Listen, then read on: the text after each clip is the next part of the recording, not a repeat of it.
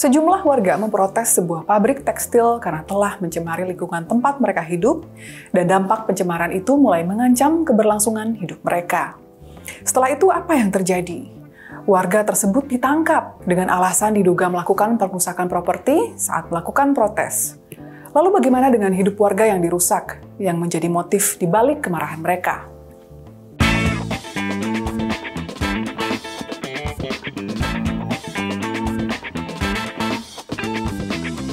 Pada 3 Juni 2021, warga Desa Watu Salam, Kabupaten Pekalongan melakukan unjuk rasa di pabrik PT Pajitex yang didirikan di desa mereka. Unjuk rasa yang dilakukan sejumlah warga pada hari itu adalah bentuk frustasi karena selama ini protes mereka tidak pernah mendapatkan tanggapan serius, baik dari pihak pemerintah daerah setempat maupun dari pihak pabrik itu sendiri. Perlu diketahui, protes terhadap pencemaran lingkungan yang dilakukan oleh pabrik tersebut sudah dilakukan warga sejak tahun 2006. Berdasarkan keterangan warga setempat, pencemaran itu terjadi akibat bahan bakar mesin boiler yang semula menggunakan solar, kemudian diubah menjadi batu bara. Selain itu, pabrik tersebut juga mendirikan satu mesin boiler dan cerobong tanpa meminta izin warga. Akibatnya warga mengeluhkan bau menyengat dari boiler, butiran pasir, debu, dan asap yang masuk rumah warga, suara mesin yang terlalu bising, hingga getaran mesin yang sampai membuat retak rumah warga. Sungai pun menjadi bau dan berubah warna akibat limbah pabrik. Dengan jarak yang begitu dekat dengan pemukiman warga, ditambah kondisi pencemaran yang semakin buruk, hal itu akhirnya berdampak langsung terhadap kesehatan warga yang terganggu. Beberapa warga mulai mengeluhkan kondisi batuk-batuk dan sesak nafas yang dialaminya akibat debu batu bara yang masuk rumah mereka. Setelah keluhan dan protes yang tidak kunjung digubris, pada 3 Juni 2021 akhirnya sejumlah warga memberanikan diri untuk masuk ke dalam pabrik dan meminta para operator mematikan mesin. Tapi para operator ini tidak berani dan harus melapor ke pimpinan. Setelah ditunggu selama 30 menit tak kunjung ada tanggapan, tak ada pimpinan yang datang, akhirnya salah satu warga yang ada di dalam pabrik tersebut spontan melempar sisa batu bara yang tersedia di situ ke sebuah kaca sehingga kaca tersebut pecah. Selang beberapa bulan setelah unjuk rasa tersebut, tepatnya pada 15 Oktober 2021 lalu, Polres Kota Pekalongan menangkap dua warga Desa Batu Salam yang diduga sebagai provokator dari unjuk rasa di pabrik tekstil tersebut. Pihak Polda Jateng mengatakan bahwa tidak ada upaya kriminalisasi terhadap dua warga Pekalongan tersebut. Kasus penangkapan itu murni berbasis pidana perusakan sesuai pasal 170 ayat 1 KUHP. Adapun pasal 170 KUHP ayat 1 yang dimaksud berbunyi, Barang siapa dengan terang-terangan dan dengan tenaga bersama menggunakan kekerasan terhadap orang atau barang, diancam dengan pidana penjara paling lama 5 tahun 6 bulan. Pada ayat 2 diberikan keterangan lanjutan, yaitu yang bersalah diancam 1 dengan pidana penjara paling lama 7 tahun jika ia dengan sengaja menghancurkan barang atau jika kekerasan yang digunakan mengakibatkan luka-luka. 2 dengan pidana penjara paling lama 9 tahun jika kekerasan mengakibatkan luka berat. Dan tiga, dengan pidana penjara paling lama 12 tahun jika kekerasan mengakibatkan maut.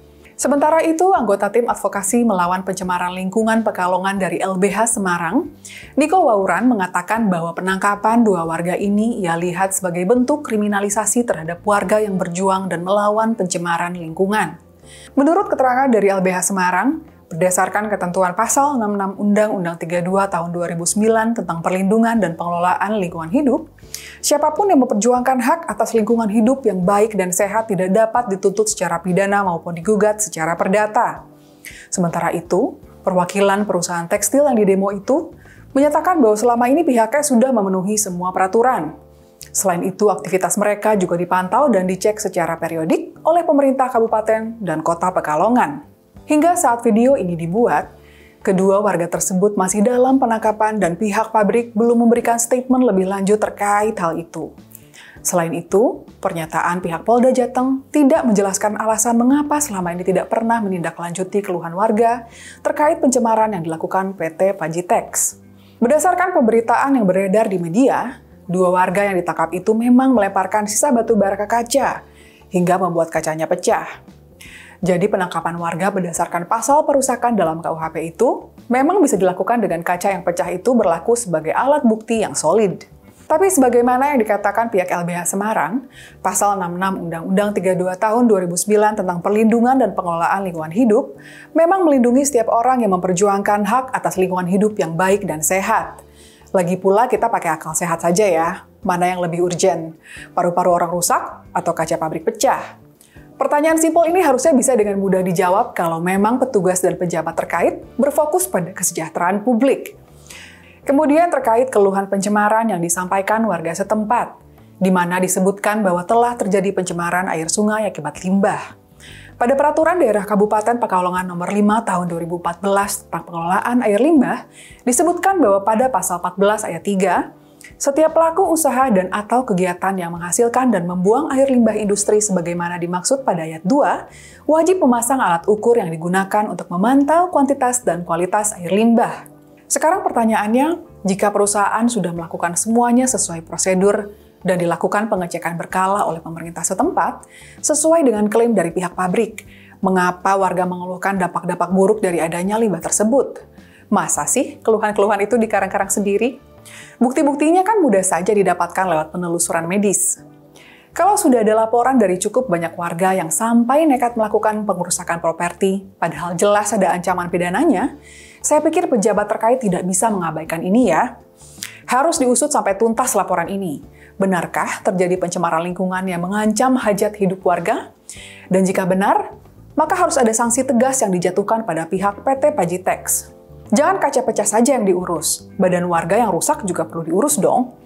Segitu dulu ya pembahasan kita di episode kali ini. Jika Anda punya pendapat tentang isu ini, di bawah ini ada kolom komentar yang senantiasa terbuka sebagai tempat diskusi bersama. Silahkan sampaikan pandangan Anda di sana ya.